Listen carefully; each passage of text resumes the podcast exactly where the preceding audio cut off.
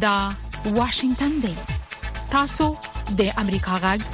آشنا رادیو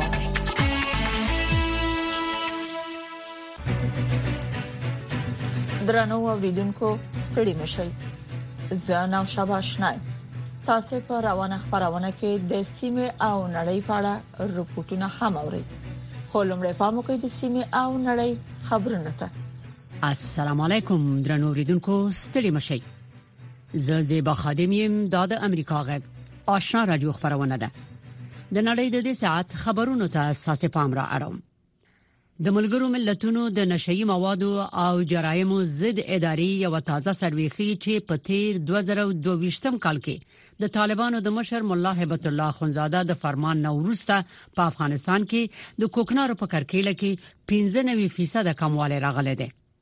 په دې سروې کې ویل شوې دي چې د کوکنارو د کر د کموالي له امله د اپینو تولید 15% کم شوی دی د اسوسییټډ پریس خبري اژانس د خبر لمخې د پاکستان نه افغانستان ته د استول شوو بنديانو شمیر شپږاویاو ته رسیدلی دی د خبر تفصیل ته ساسې پام را اړوم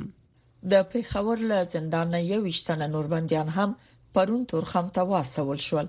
د پیښور د مرکزی زندان یو چارواکي اسوسییټډ پریس خبري اژانس ویلي دي چې له زندان نه افغانستان ته د استول شو بنديانو شمیر شپږ ویاو ته ورسید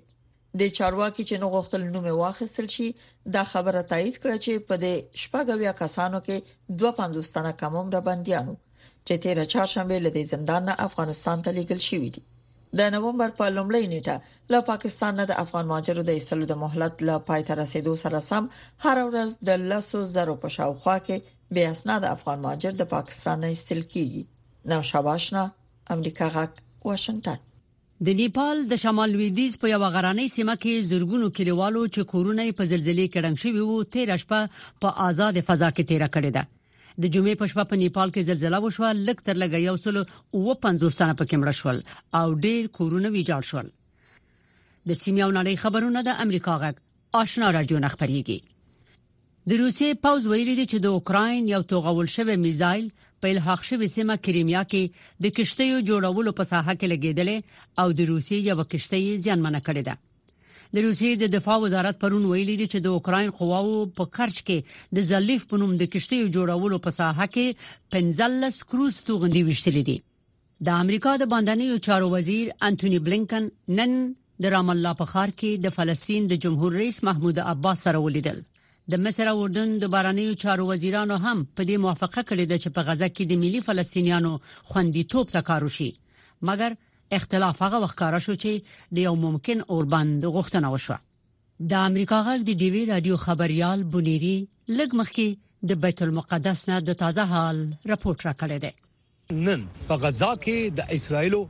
ځمکني عملیات لا اوس هم روان دي هلته د دې باوجود چې د عرب هیوادونو د باندنو چارو وزیرانو او د امریکا د باندنیو چارو وزیر پرون په اردن عمان کې دا غوښتنه تکرار کړه چې لږ وخت لپاره یا څه شیبې لپاره دې اوربند وشي خو د اسرائیل وزیر اعظم بنجامین نتنیاهو دغه غوښتنه رد کړې ده هم نن دلته په اسرائیل سرخار یروشلم کې چې ما د خبريالانو سره خبرې وکړې ولې اخر دا غوښتنه د اسرائیل وزیر اعظم منلو ته تیار نه ښکاري دوه دلایل هغه وایي یو دا چې حماس په هغه سورنګونو کې چرته چې د هغو خیال دی ډیره لویه وسله پټه کړې ده او موجود دی که چېرې اوربند وشي امکان دی چې هغو ته د تیلو او نورو سپلای لارې خلاص شي او هغه بیا د اسرائیل خلاف استعمالوي یو غټ دلیل دا ویل کیږي دویم غټ خبر دا دی چې هغه خلک چې برامته کړی شوی دي یا اغوا کړی شوی دي د هغه په لړ کې ما نن د یو شپږ خبريالانو سره د یروشلم پوسټ او د یروشلم ټایمز د خبريالانو سره خبرونه وروسته د معلومات را غونډ کړل چې څه کوششونه روان دي چې د دغه خلکو د راخلاصولو لپاره په بیړه او په نړیوال توګه باندې سفارتي کوششونه چې یا کامیاب شي خو دا څنګه روان دي او چوت روان دي دا معلومات په مطبوعاتو کې تر اوسه پورې نه ښکاره کړی شوی رحمان بنره د امریکا غږ یروشلم اسرائیل زرګونو خلکو د نومبر په څلورمه د متحده ایالاتو په پایتخت واشنګټن ډي سي کې د فلسطینیانو په پلوۍ مظاهره کړې ده او په جمهور رئیس جو بایډن چې د اسرایل طرفداري کوي انتقادونه کړي دي د اسرایل حماس جګړې د پیل رئیس پرونی مظاهره د فلسطینیانو سره د ملاتړ د څرګندولو لپاره د ټولو نه لوی مظاهره و د اوکراین جمهور رئیس ولادیمیر زیلینسکي د اوکراین د قواو د عمومي قوماندان تازه څرګندونې رد کړې دي چې د روانې هفتې په پیل کې ویلي و چې د روسیې او اوکراین جګړه بې نتیجې حالت ته رسیدلې ده د هسپانیې ساحلي ګارد د نومبر په څلورمه ویلي دي چې د اتلانتیک د سمندر د کانری په ټاپوګانو کې تر 1500 ډیر پناه غوښتونکي د ډوبېدو ژغورلي دي زیبا خادم امریکا غږ واشنگتن د سیمه او نړۍ خبرونه واوریدل په موقع د سیمه او نړۍ په اړه رپورټونه ده د طالبانو د حکومت د کورنیو چارو وزارت سرپرست سراج الدین حقانی او د افغانستان په خوانی جمهور رئیسانو له پاکستان د افغان کډوالو د شړلو په پریکړه خواشینی خوده او ویلي دي چې دا پریکړه د نړیوالو معیارونو او اسلامي اصولو سره په ټکر کې ده پاکستان وایي د غیر قانوني کډوالو د شړلو پریکړه د کوم ځانګړي هیواد په خلاف نه ده کړې په دې اړه نور تفصيل د اکرام شینواری په رپورت کې اوري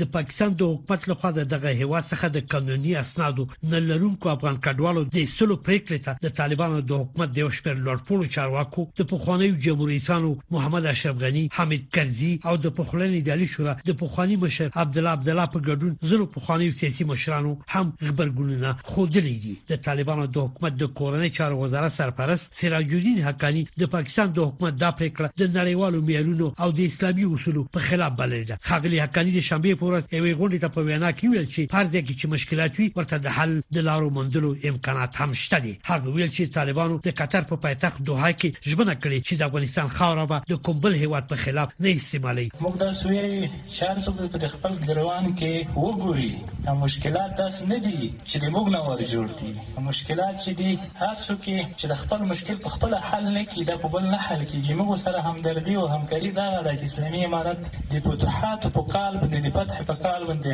څومره اقدامات چې دې لپاره کړو چې زموږ خاوره چا لپاره تهدید ونه ګرځي دغه اقدامات هیڅ احترام چې ونه ساتو دغه په مقابل کې چې دوی اوس داسې غیر مناسبه فیصله د افغانانو په حق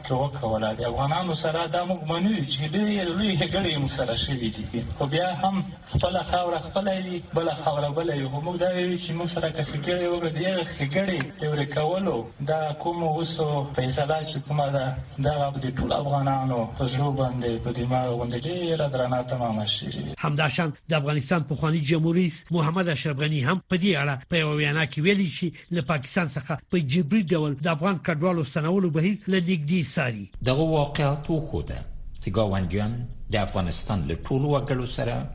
د یو تعریف یوې زاویې له مخې چلند کوي چې هغه افغانیت دی د خبرې به یو ځل بیا هغه کسانو ته هم چې ځانونه یې له ملي مشارکت نه ایستلي ثابته کړې وي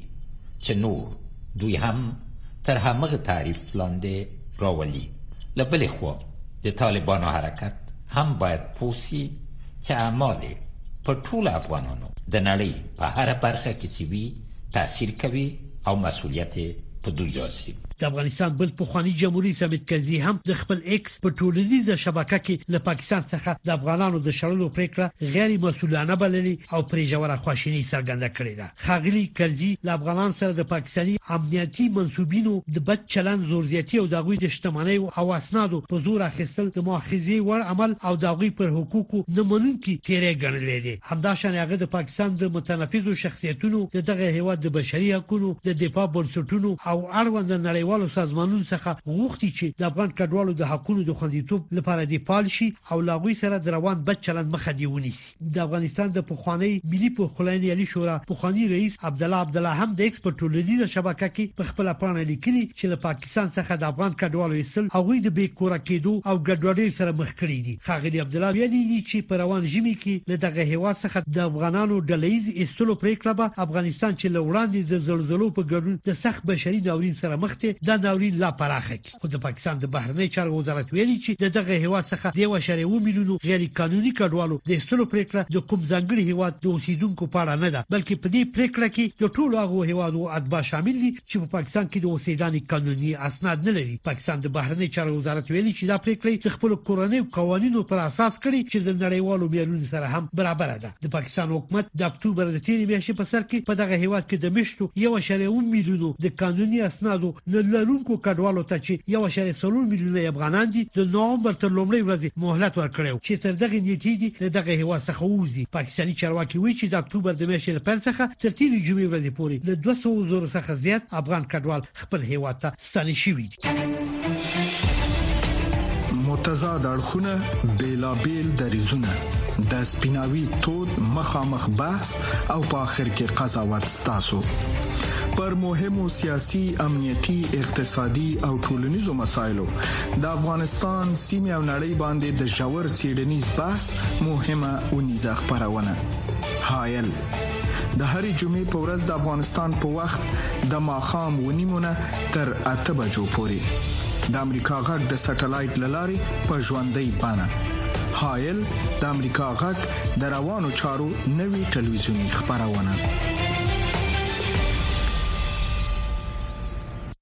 دا د امریکا غږ آشنا رادیو ده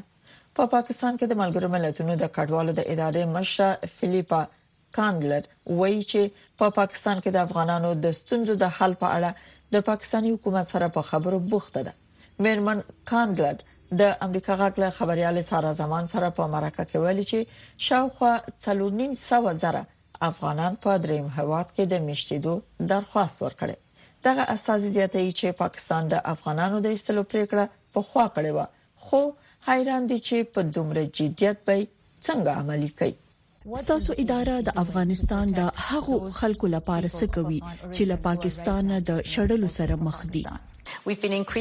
موږ خپلې هڅې زیاتې کړې او له حکومته غوښتنه کوو چې ځینو هغو کډوالو ته څه ونه وایي چې د نړیوال قانون له مخې په جبري توګه ویستل منع دي. په دغو کې هغه خلک هم شامل دي چې د پاکستان حکومت سره ثبت شوي او د افغان تابعیت کارډونه لري.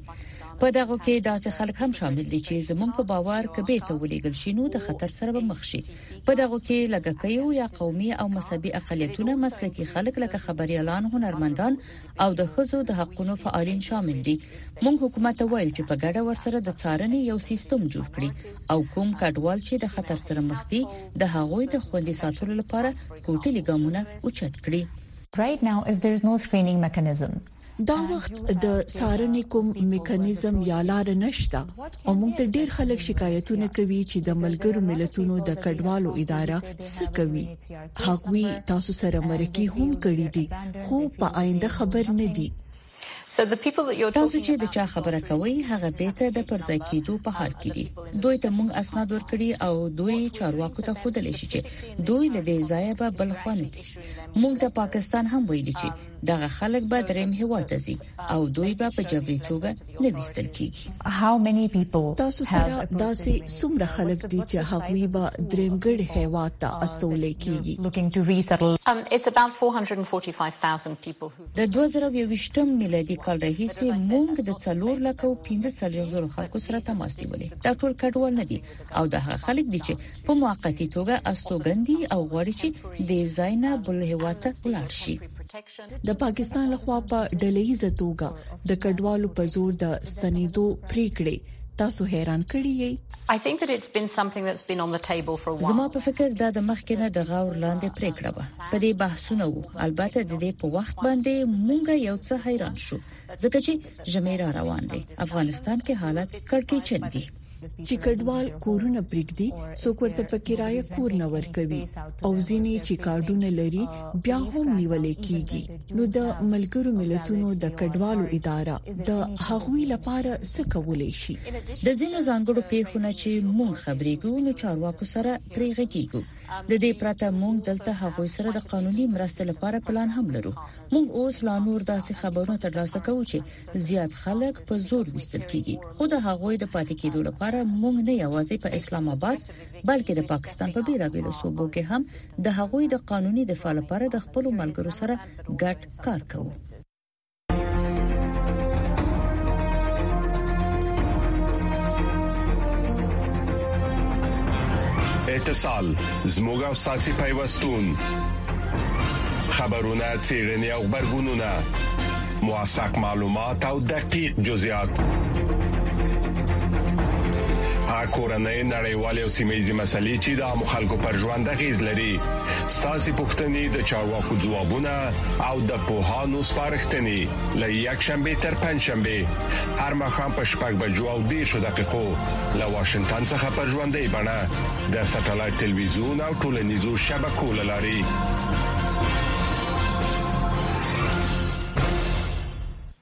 رپورټونو ته ادامه ورکو پلازمینه کابل کې د پولیو لمنځه وړلو بیړنی عملیاتي مرکز ویلي دی چې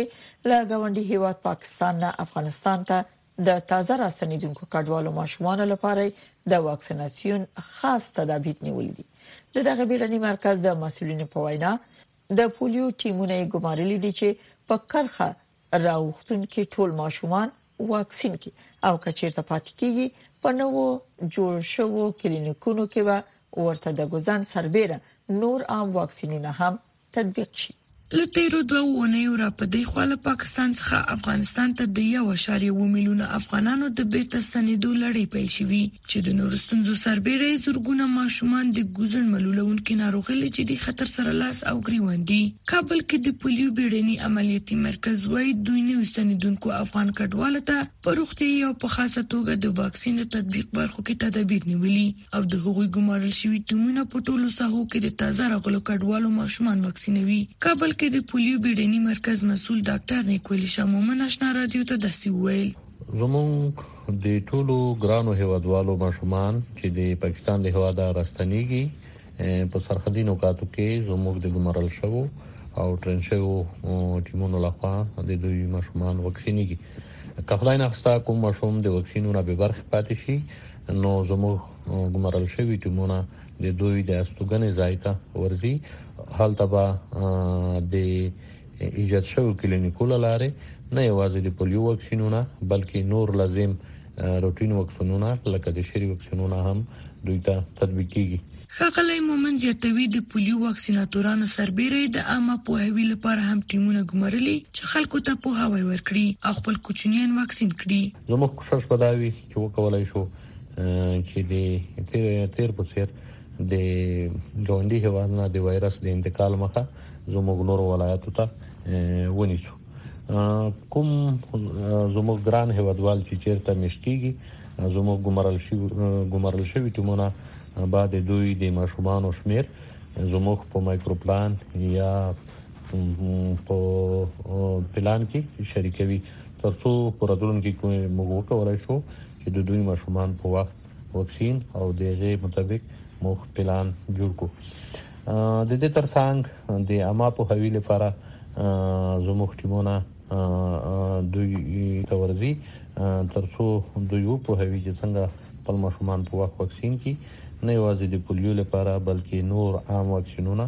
یا روټین واکسونونه چې اړین دي هغه ته باید ورسول شي همدارنګه دوی ته به د دوی د حفظ صحه د ساتلو لپاره ترڅو چې دا وایرس دوی کورنۍ کې خپور نشي معلومات ورکول کیږي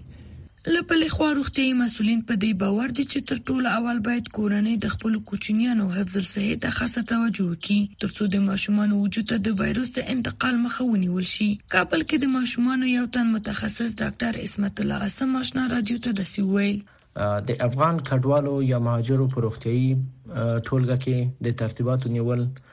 ډیر ښه ګام دی موږ یې ملاتړ کوو هغه که د واکسین په برخه کې وي یا نورو کې خو تر ټولو مهمه خبره دا ده چې اول باید خپل همدا کورنۍ چې نوی راځي او بیا چیرته میشت کیږي د دوی باید د خپل ماشومان حفظ الصحه مراعات شي تر څو دا ویروس خدای مه کړه د دوی د ماشومانو وجود ته سرایت پیدا نه کړي او بله مهمه خبره هغوی ته په منظمه توګه د واکسین بهیر دی چې باید ورته تطبیق شي او په دې توګه افغانستان کې دا ناروغي د تل لپاره محو شي ویل کیږي چې د پاکستان څخه افغانستان ته تر اوسه څه باندې شپېته زره افغاني کورنۍ بیرته ستنې شوي چې په دوی کې زیاتره ښځې او ماشومان هم شامل دي. کارپوهان په دې باور دي چې له یوې خوا د ژمي سړه هوا او له بل لوري دوی ته په روغتیايي برخو کې د لازمو اسانتیاوو برابرول اسانه کار نه دی، خو مسؤلین بیا ټینګار کوي چې د ګوزڼ د مخنیوي سربېره به دوی ته په ټولو برخو کې روغتیايي خدمات اماده کړي، ترڅو ماشومان یې د ناروغیو څخه خوندي او پر وخت واکسینونه واخلي. لیما مرخیل، امریکا غږ آشنا راډیو، کابل نن او وضعیت د نړۍ سیمه او د افغانستان پر روانو چارو او د ننني وضعیت په حق لا خبرونه راپورټونه مرکه او تحلیلونه هر شپه 9 بجې د امریکا غږ آشنا رادیو نه اورئ رپوټونو ته د واشنګټن د سټډیو نه ادامه ورکوو د وی پولي خبريالانو سازمان وایي چې د پاکستان د حکومت لخوا د قانوني اسنادو نه لرونکو افغان کډوالو د استلو د روان بهیر په لړ کې په دغه هواد کې میشت له 200 نه زیات افغان خبريالان هم په جبري ډول د استلو د خطر سره مخ دي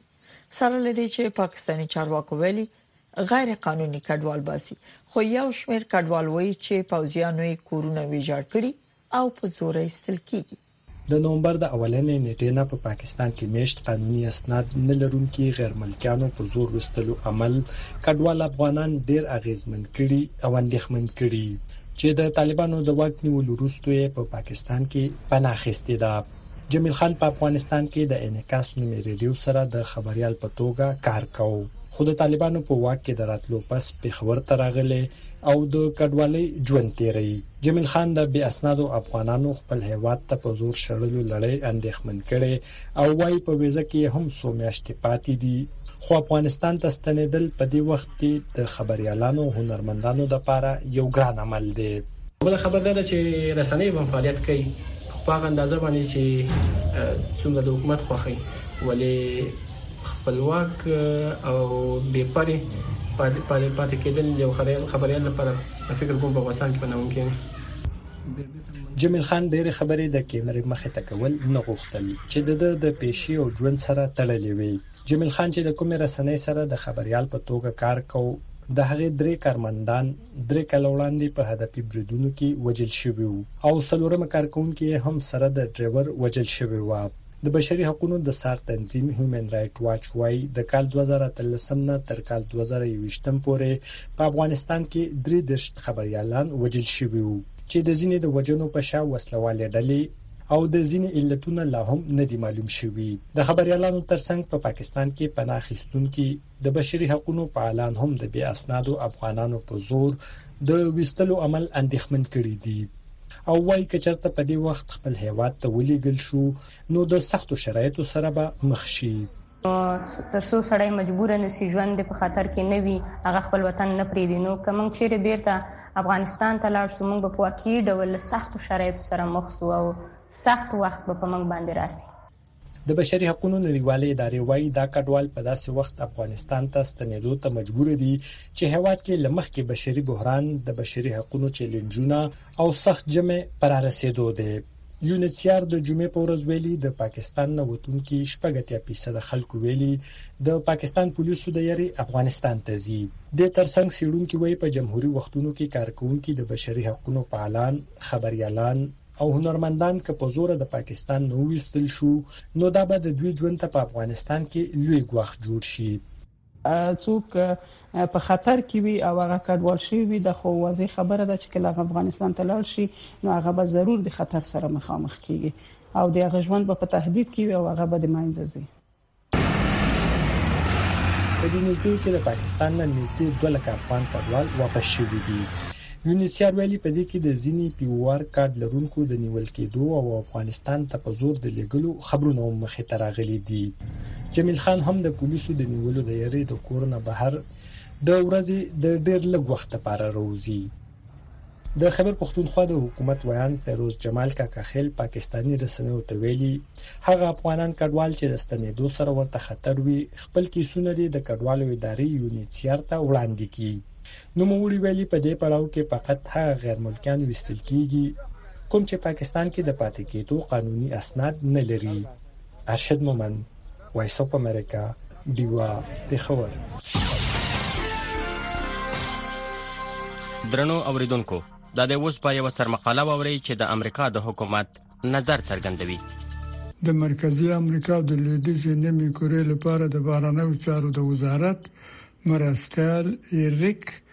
جاکوبستین د کانګرس د تازه وخت په استماعي غونډه کې ویلي هندوراس او امریکا ډیر عام هدفونه شریکوي د بهرنیو چارو د وزارت مرستل جاکوبستین نو ویل په 2020 کال کې د هندوراس جمهور رئیس کاسیمورا کاسټرو انتخاب د دې فرصت پیدا کړ چې د اداري فساد او دیموکراتیک شاتګ سره په مخه وکړي. هندوراس ژمنه کړې ده چې د اداري فساد، د عافیت غمخوري او جمهور رئیس کاسټرو ملګرو ملتونو ته بلنه ورکړې ده چې د اداري فساد ضد یو مستقل کمیسیون جوړ کړي. موږ دغه کوشش ته آفرین ووایه، مګر موږ د ملګرو ملتونو د لارښوونې په قول د دې چټک جوړېدل غواړو او موږ له حکومتونو نه هم غواړو چې موجوده واحدونه تمویل کړي چې د اداري فساد په باره کې تحقیقات وکړي. د بهرنیو چارو د وزارت مرستیال جاکوب سټین څرګند کړل موږ د نن په هیواد کې د بیځای شو کسانو په اړه کې د هندوراس د قانون په تصویب کولو کې پرمختګ ته شاوسه وایو او د کوشنو د تطبیقولو په اړه کې د امریکا سره د کار کولو لپاره هم د بهرنیو چارو وزارت مرستل جاکوب ستین انویل امریکا د هندوراس سره د امنیتي همکارۍ وګت تاریخ لري په دې کې په سو ټو کانو کې د د هوایي بیز لاره د امریکا حضور شامل دی موږ سترګې په لار یو چې هندورا سره دغه همکارۍ ته دوام ورکړو مګر د د ولسی چین جمهوریت سره د روابطو په اړه کې د احتیاط یو کلمه درلودله حکومت څرګندوي خپل خارجي پالیسي داسې ده چې نو حکومتونو ته د دروازې په پرانستلو سره خپل د بین المللي همکارۍ ضرورتونه سر ته ورسوي په دې کې د چین ولسی جمهوریت شامل دی مګر نو موږ په داسې حال کې تصدیقوو چې په رسمیت ډیپلوماټیک پیژاندل یو خپلواک پریکړه ده موږ څرګندوو پی آر سی د رسمیت پیژاندل لپاره په تبادله کې اکثره وخت وعدې کوي چې بالاخره سر ته نه رسول کېږي. د اقتصاد په ارتباط سره د امریکا هدف دا دی چې د جمهور رئیس مرستیالې کامله هاریس په مشرۍ په میلیاردو اضافي پانګه اچونه متحرکه کړي. مرکزي امریکا د پرمختلونکي پروګرام چې لا پخوا د څلور اعشاریه دوه میلیارد ډالرو د پانګه اچونې ژمنې شوې دي او په شمالي او مرکزي امریکا کې د نوو کارونو ژمنې شوې دي د بهرنیو چارو وزارت مرستیال جاکوب سټینډ پر راتلونکو ژمنو باندې ټینګار وکړ چې دا به په ګټورې پانګې اچونې،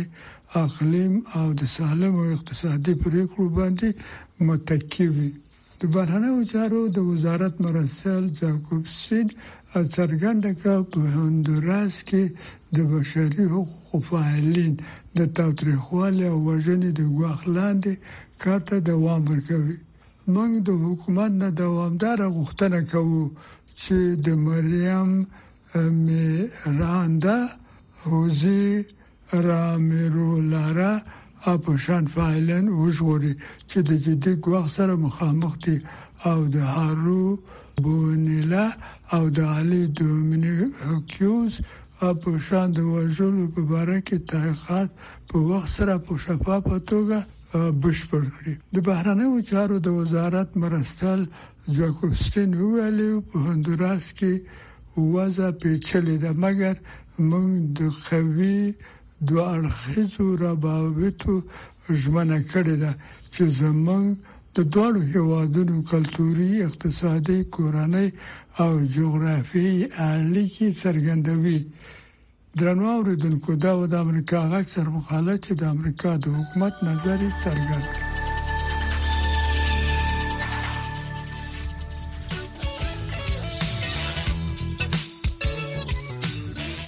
درنو اوریدونکو خبرونه په همدې ځای پاتې ورسیده